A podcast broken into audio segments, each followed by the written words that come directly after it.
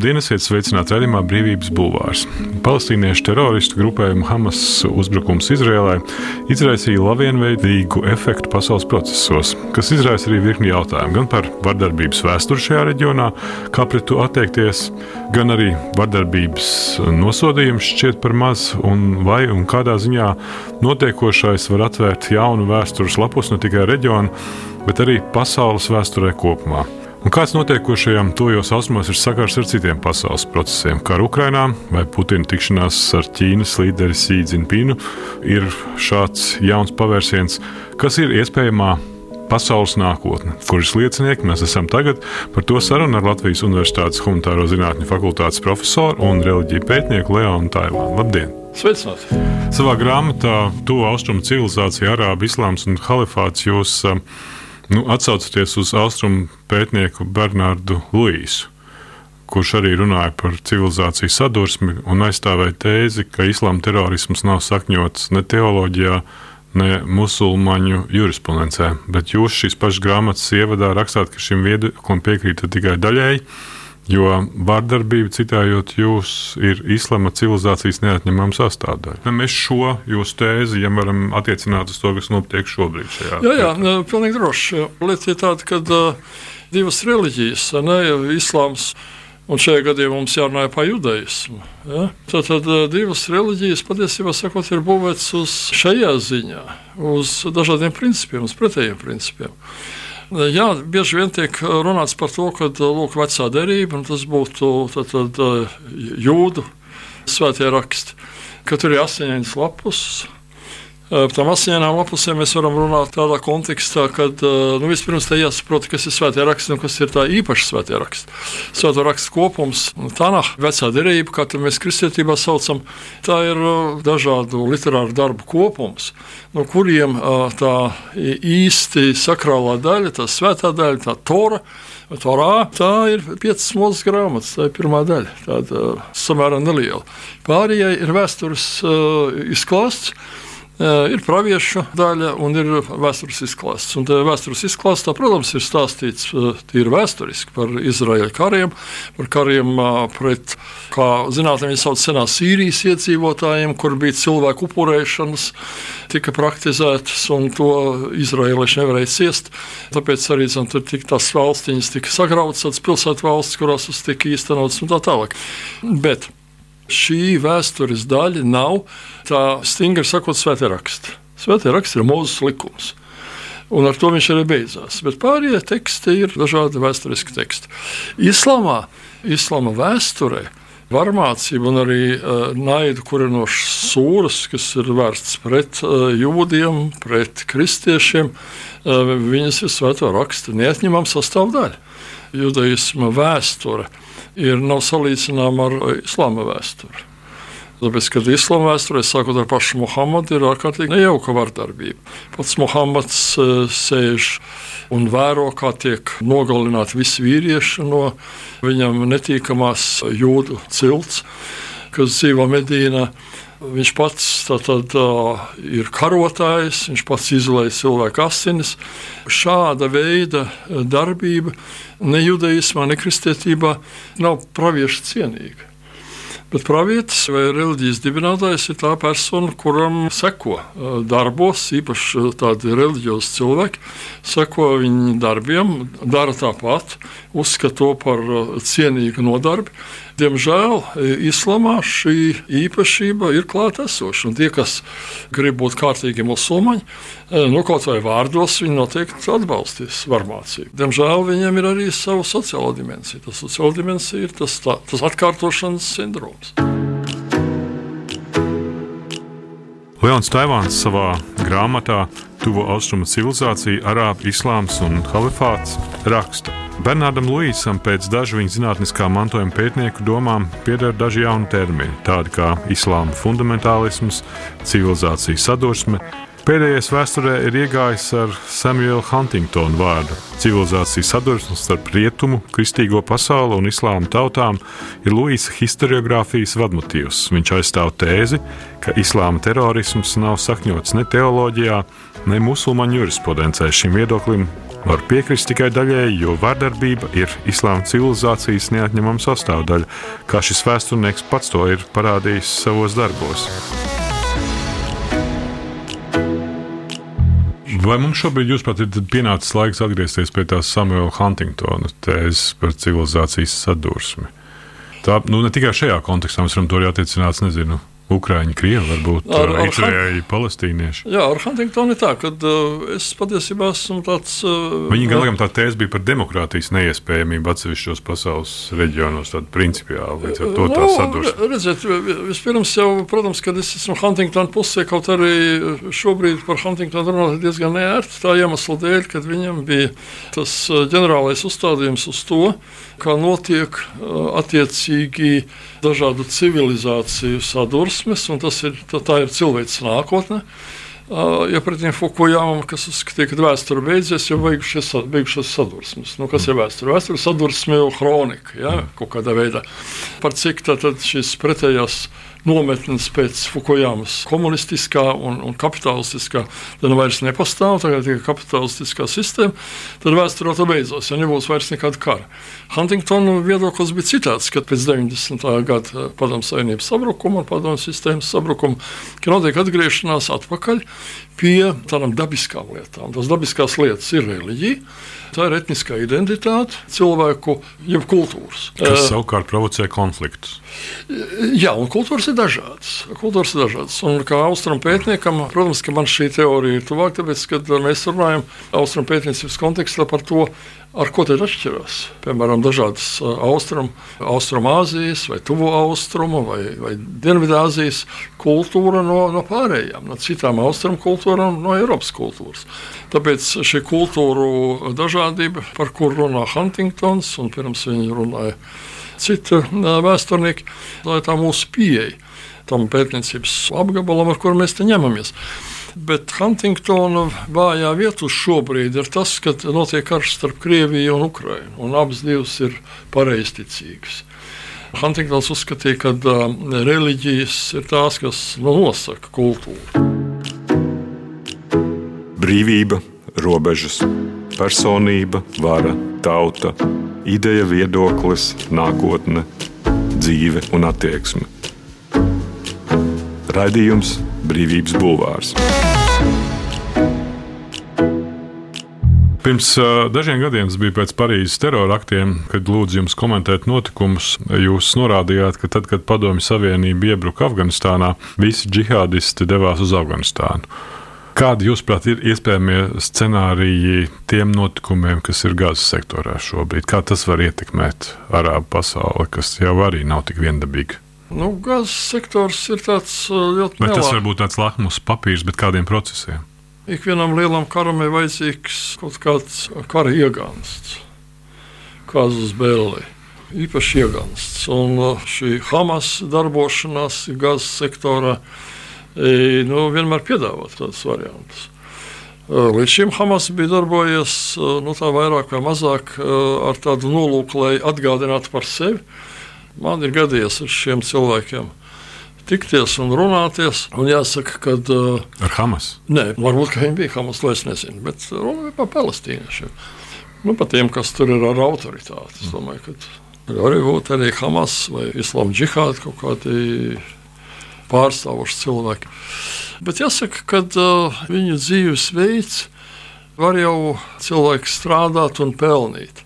Bet uh, tad, kad uh, ir darīšana ar šiem uh, palestīniešiem, kas sevi sauc par, par palestīnas bēgļiem, jau ceturtajā paudzē, tad var diezgan viegli pamanīt, ka uh, faktiski tā palestīnas bēgļa būšana, kā lai to saka, tā izkārtne, ka tu esi palestīnas bēglis, ienes naudu. Un visi maksā, mēs arī maksājam.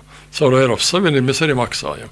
Un tur tiek tā, tā, tā pumpēta iekšā nauda kāda iemesla dēļ, vai šodien, es domāju, neviens īsti skaidri neatcerās, kā tas viss sākās un kāpēc tas tika darīts.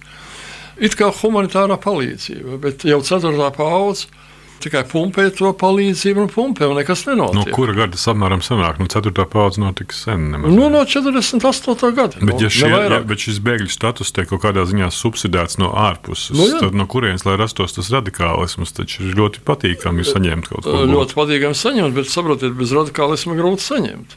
Tāpēc, kad uh, man tagad prātā viena tikšanās vienā no bēgļu nometnēm. Tā, nu, Gazas josla viss sastāv no bēgļu nometnēm bijušām. Tagad tur jau sabūvēts, izskatās pēc tādas neglītas tuvā austrumu pilsētas. Kurā gadā jūs bijāt tur? 2003. gadā es tur biju. Nu, ceturtās paudzes pārstāvis. Tagad sāka garu monologu par to, kā ir ebreji iznīcinājuši dzimto ciematu. Un kur viņš tad atgriezīsies un dabūs savu zemi atpakaļ, un tad viņš tur zemi to, tur apstrādās un audzēs tur es nezinu ko. Bet tās zemes vairs nav. Tās vietēji pilsēta uzaugusi jau sen. Bet tā- tās sarunas ir tās pašas. Nu, bet, atvainojiet, piedodiet, bet uh, ir jau kaut kāds ekonomisks uh, progress arī pasaulē. Nav jau uh, visai Palestīnas teritorijai tā vai citu iemeslu dēļ jāpaliek mūžīgi par tādu lauku ciematu. Kāpēc tur nevar izaugt pilsēta? Nu, labi, ebreji tur ir uzbūvējuši to pilsētu. Bet uh, kāpēc tu nerunā, ka tu gribi tajā pilsētā strādāt vai vēl kaut ko? Tad acīm redzam ideoloģiski uzstādījumi, kuriem nav īsti sakara ar, ar reālo dzīvi. Bet tā reālā dzīve tie tie pabalsta. Kristīgie arābi man, piemēram, ir žēlojušies, bet kāpēc Eiropas Savienība un citi donori eh, sniedz palīdzību eh, Hamas? Nu, Hamas, kā jūs saprotat, ir tur dažādas daļas. Eh, Hamas viena daļa vismaz sevi pozicionē teikt tā, ka viņi ir tie, kas sadala šo palīdzību, palīdzību bēgļiem viņi būvē slimnīcas un, un aprūpē tās slimnīcas, un apmaksā tās slimnīcas, un rūpējās tur uh, par sabiedriskām lietām, par sociālo stāvokli bēgļu vidū un tā tālāk. Bet uh, kristīgie arābi saka, bet tie ir musulmaņi, un īstenībā tā nauda tiek tērēta teroram. Piemēram, palīdzēt atraitnēm. Bet kas tas atraitnes ir? Tas atraitnes ir kritušo teroristu sievas, kuras ir zaudējušas savus apgādniekus. Nu, tad tagad tā Eiropas nauda iet lūk šīm ģimenēm, kuriem patiesībā sakot, vajadzētu pavisam citu veidu rehabilitāciju. Pirms jau kaut kā ieskaidrot, ka nu, tas ceļš nav ejams tālāk.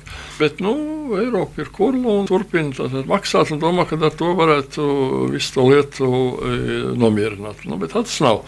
Un tas ģenerālais uzstādījums militāriem spārnam, Hamas militāriem spārnam ir atgādināt par sevi, atgādināt, kad ir problēma, ka tā problēma nav risināta, un atkal ir savi upuri, un atkal ir savas vajadzības, un tā tālāk. Un tā tālāk. Cilvēki, kas pazīst tā tuvāk, konkrēts cilvēks, kam ir ģimenes locekļi, draugi, pazīstami. Tur.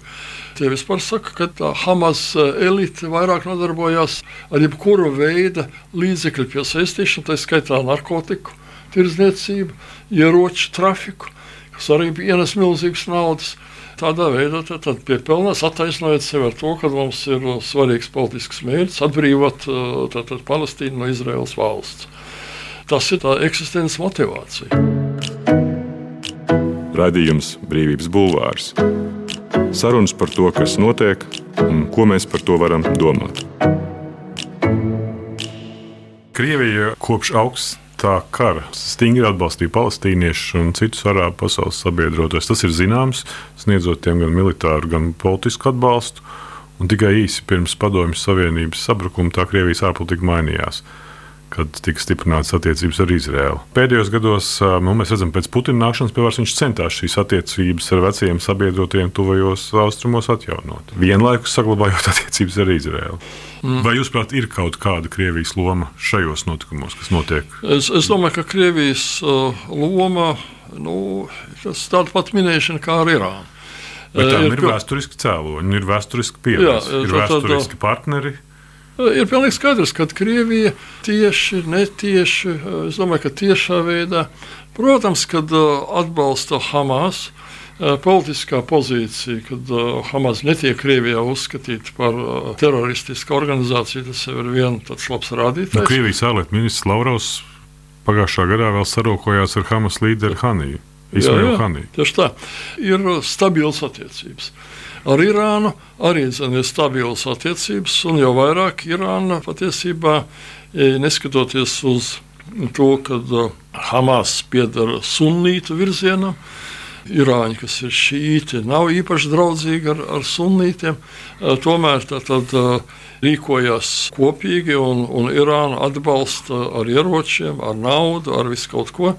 Tad, Hamas kā organizācija. Irāna atbalstīja arī zinu, musulmaņu brālību Eģiptē, tad, kad tā nāca pie varas. Tā kā šeit ir gan Krievijai, gan Irānai ir tie pastāvīgie kontakti. Tagad, kāpēc Krievija ir aktivizējusies un vai viņi ir aktivizējusies? Nu, tā skaidri redzams nav. Mēs varam redzēt tikai to, ka šajā situācijā, kad uh, sākās šī kara darbība starp Hamas un Izraelu, Krievija tūdaļ veicīgi sāk ar puķinu muti tātad, piedāvāt visa veida sadarbību un iespējama tātad, kaut kādas pakalpojumus. Vai nu miera nostiprināšanā, vai vēl kaut kādas citas pakalpojumus. Kas šeit ir ļoti raksturīgs? Raksturīgs ir tas, ka pēc tam, kad ar Puķinu vairs neviens Eiropā negribēja runāt pēc 14. gada notikumiem Ukrajinā. No Orbāns. Kauza. Orbāns jau runā vēl aizvien. Jā, no Orbāns ir izņēmums, bet kā, kā likums, tad Eiropas un Amerikas politiķi negribēja ar viņu runāt. Tad viņš sāk ievēt Krievijas karaspēku Sīrijā un sāk darboties Sīrijā. Un pēkšņi tas viņam ļauj atkal uzpeldēt kā cienījamam politiķim, un konsultēties, un vest sarunas un apmeklēt. Sāk gan viņu, gan viņš apmeklēt citas zemes, un tā tālāk. Viņš atkal nonāk politisko ūdeņu virspusē. Šobrīd Puķins mēģina izdarīt to pašu. Tāpēc, kad uh, viņa situācija Ukrajinā nav īpaši spīdoša. Jūs domājat, jūs domājat ka ne, viņš nevis inicē šos notikumus, kas ir ne, ne, gadā, viņš... bet ka viņš reaģē uz viņu, mēģinot iegūt politisko kapitālu? Es domāju, no ka šajā gadījumā viņš drīzāk reaģē. No tā izskatās. Un, protams, ka mēs nezinām. Kā mēs varam zināt, ko tur uh, slepeni, varbūt ir vienošanās kaut kāda uztaisīt rats. Tas tā varētu būt, bet varētu arī nebūt. Tāpēc neko drošu mēs par to runāt nevaram. Bet uh, tas, ka viņš šo situāciju kā minimums izmanto. Leons Gabriels Taivāns ir Latvijas Universitātes profesors, reliģiju pētnieks, Dienvidu Austrumāzijas studiju centra vadītājs. Dzimis Lutāņu mācītāja, Leona Taivāna ģimenē beidzis Maskavas valsts universitātes Austrumu valodu institūta vēstures un filoloģijas fakultāti, kur apgūs indonēziešu valodu. Pat labāk strādā Latvijas Universitātes Humanitāro zinātņu fakultātes Āzijas studiju nodaļā, strādājis Izrēlā, Libānā, Sīrijā, Singapūrā, Jordānijā, Filipīnās un Krievijā. 17 gadus bijis zinātnieks PSRS Zinātņu akadēmijas Austrum institūtā. 1969. gadā viņu savērvēja Valsts drošības komiteja Maskavā, par ko viņš publiski stāstīja 90. gadu sākumā. Leons Taivāns ir arī viens no Latvijas okupācijas muzeja dibinātājiem, daudzu monogrāfiju, mācību grāmatu un rakstu autors. Ja mēs turpinām izskatīt šo versiju par Krievijas interesēm tajos mūsdienu procesos, man interesē, jūs strādājāt 17 gadus PSRS Zinātņu akadēmijas Austrum institūtā. Es skatījos, ka šī institūta mēģis, nu, tolaik tā, tajā PSRS pastāvēšanas periodā arī bija ļoti konkrēti politisks. Politisku mērķu virzīts ar ļoti politiskiem uzdevumiem. Vai jūs varat apmēram nu, pastāstīt, kas bija tie uzdevumi, kuri tolaik, tā laika politikas kontekstā nu, analītiķiem bija jāveic Krievijā? Tas taču nu, nevarētu būt vairs noslēpums. Nē, nē, nē, nē tas ir noslēpums. Nu, tā ikdiena bija tāda, ka laika pa laikam mums vajadzēja tā, sniegt ekspertīzes par kaut kādiem reģioniem, par kuriem mēs bijām atbildīgi katrs. Viens no tādiem bija karš Afganistānā, kad sasaucas visus uh, islāma ekspertus kopā. Mēs uh, sanācām Taškentā. Liela runāšana, ko darīt, tad, kad bija uh, iestājies jau strupceļš, bija skaidrs, ka uzvarēt nevarēs un kad vajadzētu kaut ko darīt. Man tēze bija, nu, vispirms jau toreiz tā vairāk sekoja Fona Grunebaumam, kuram bija tāds ļoti, ļoti interesants redzējums, islāma redzējums. Pēc tam man Primakovs tur briesmīgi lamāja. Viņš vadīja to jūsu institūtu, laikam, jutājā. Viņš vadīja institūtu toreiz, jā, un cīlēja uz ārlietu ministra amatu. Uh, nu, vēlāk viņš viņu arī dabūja. Un, attiecīgi, tad, tad piegādāja tur vajadzīgās ziņas, attiecīgi atkal centrāla komitejai un cerot arī zem, uz, uz savu virzību uz priekšu. Bet ko mēs tur izpērējām?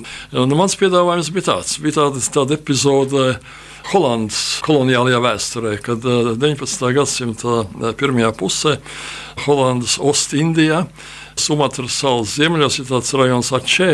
Tas ļoti fundamentāli islamisks rajons, un tur sākās vienkārši karš pret holandiešiem, svētais karš, Prāvs Sabīla. Tas karš ilga un ilga, un jau desmit gadi, un gals nav redzams, un nezinu, ko darīt. Tad uh, koloniāla administrācija nolēma pakonsultēties ar savu islāma pētnieku Snukjurgu Roņģiju.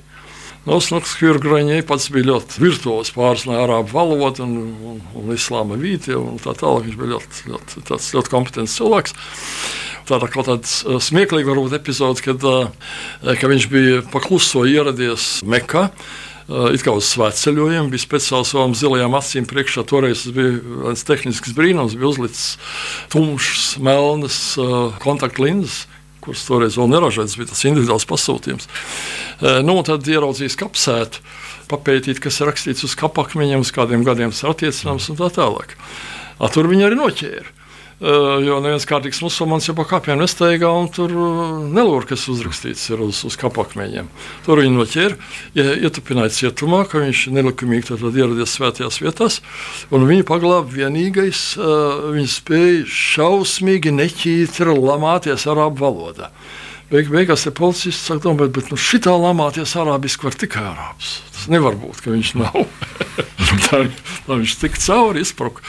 Jā, pasīdot ar ekspertu kvalitāti. Bet, ko viņš pārādījis? Stāsts, bet... jā, jā, bet ko viņš piedāvāja, tā tad koloniāla administrācija. Viņš saka, beidziet karot, būvējiet mošejas, draudzējieties ar ulāmiem, reliģiskiem profesionāļiem.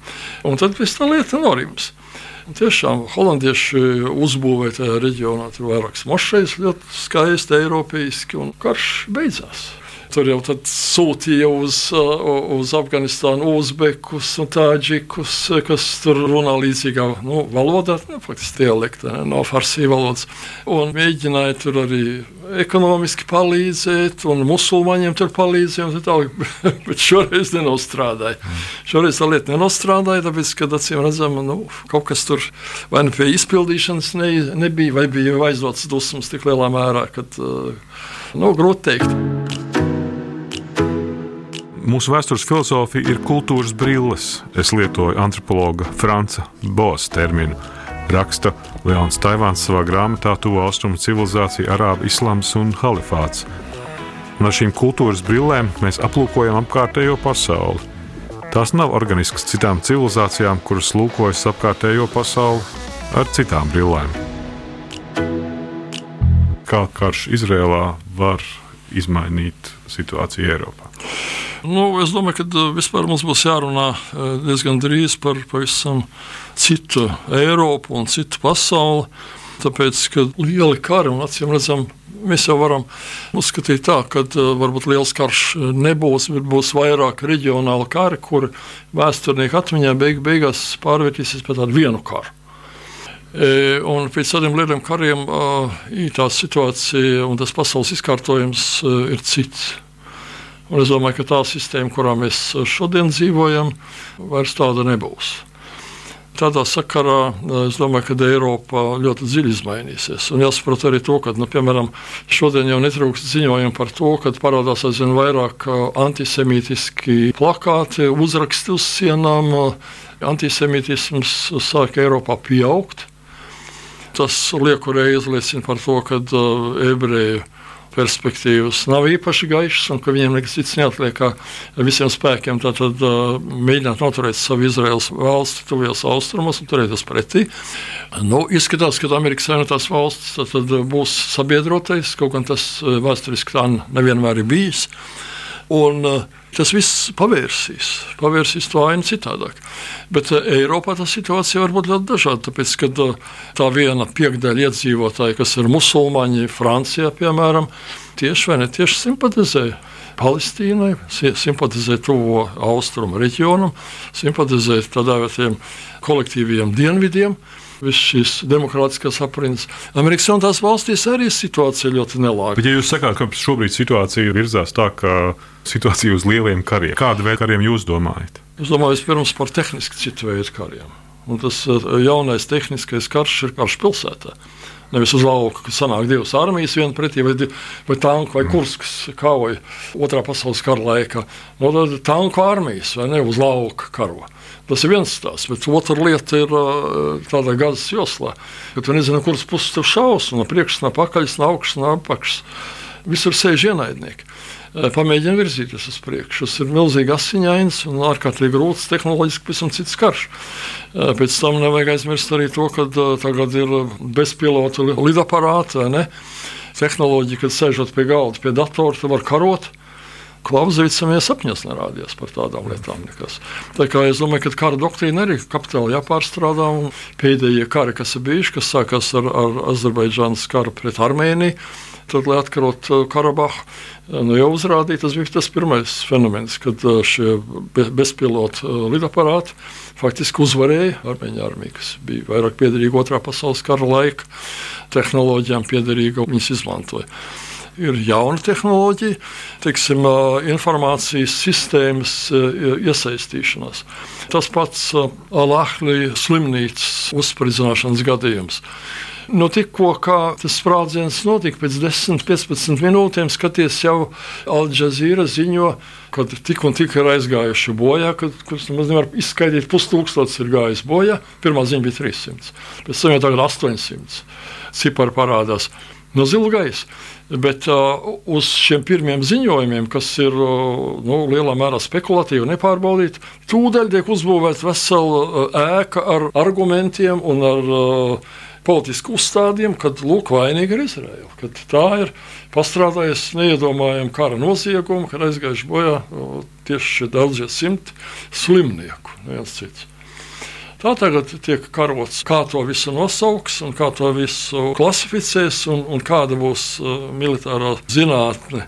Nākotnē, nu, tad uh, militāri eksperti lai prognozē. Jūs par Ukrajinu savulaik prognozējāt, ka šis karš uh, nu, var kļūt par latentu karu un ilgt gadu gadiem. Kaut kādā ziņā mēs arī par nu, šobrīd notiekošo karu Izrēlā varam teikt, jo nu, Netanjahu ir apsolījis, ka tas atbalsosies paudžu paudzēs? Nu, man liekas, ka Izraēlas situācija vispār ir viens eh, bezgalīgs karš.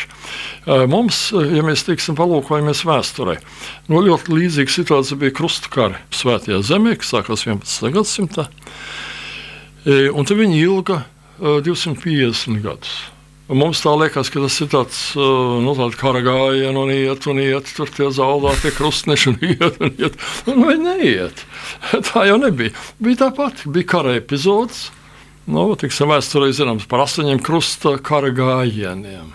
Bet uh, pa starpu tur uh, notika gan visādi miera līgumi, gan visādas andeles notika, un nevisai glīti, teiksim, no kristietības viedokļa politiski gājieni kad uh, pāvests tur turēja teiksim, turku uh, sultāna iespējamo pēcteci pie sa savā cietumā.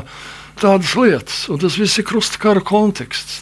Tas ir vesels laikmets. Un es domāju, ka uh, Izraels vēsture, šī modernā, mūsdienu vēsture, tas arī ir tāds kara laikmets, kad, kad tur ir bijis miers. Nu, tā laika pa laikam ir miers, laika pa laikam ir karš tāds stāsts ar kariem. Vēsturiskajā atmiņā visas tās atsevišķas militārās epizodes atkal pārvēršas par tādu bezgalīgu kāru. Bet no otras puses, eh, paskatīsimies, par ko raksta Ukraiņas presa. Eh, tur lamājās, kāds var būt. Tagad ir karš, bet tur tā ir parkus un nodarbojas ar kaut kādām lietām, kas pilnīgi nav savienojams ar, ar kara stāvokli un kara ekonomiku un tā tālāk. Šķiež naudu, tur skaisti dzīvo, bet pa otru galdu šaudās. Nu, tā. Tas viss kopā. Paldies! Tas bija profesors Leons Tevāns, Latvijas Universitātes reliģija pētnieks. Mans vārds ir Gins Grūbe, radījuma ierakstīja Toms Šits un Monteja Normīts. Paldies jums! Brīvība ir brīvība, nevienlīdzība vai taisnīgums, vai kultūra vai cilvēks laime. Tā teica Iesai Berlīns. Sarunas ar brīvas apziņas un ideju cilvēkiem - radījumā Brīvības bulvārs.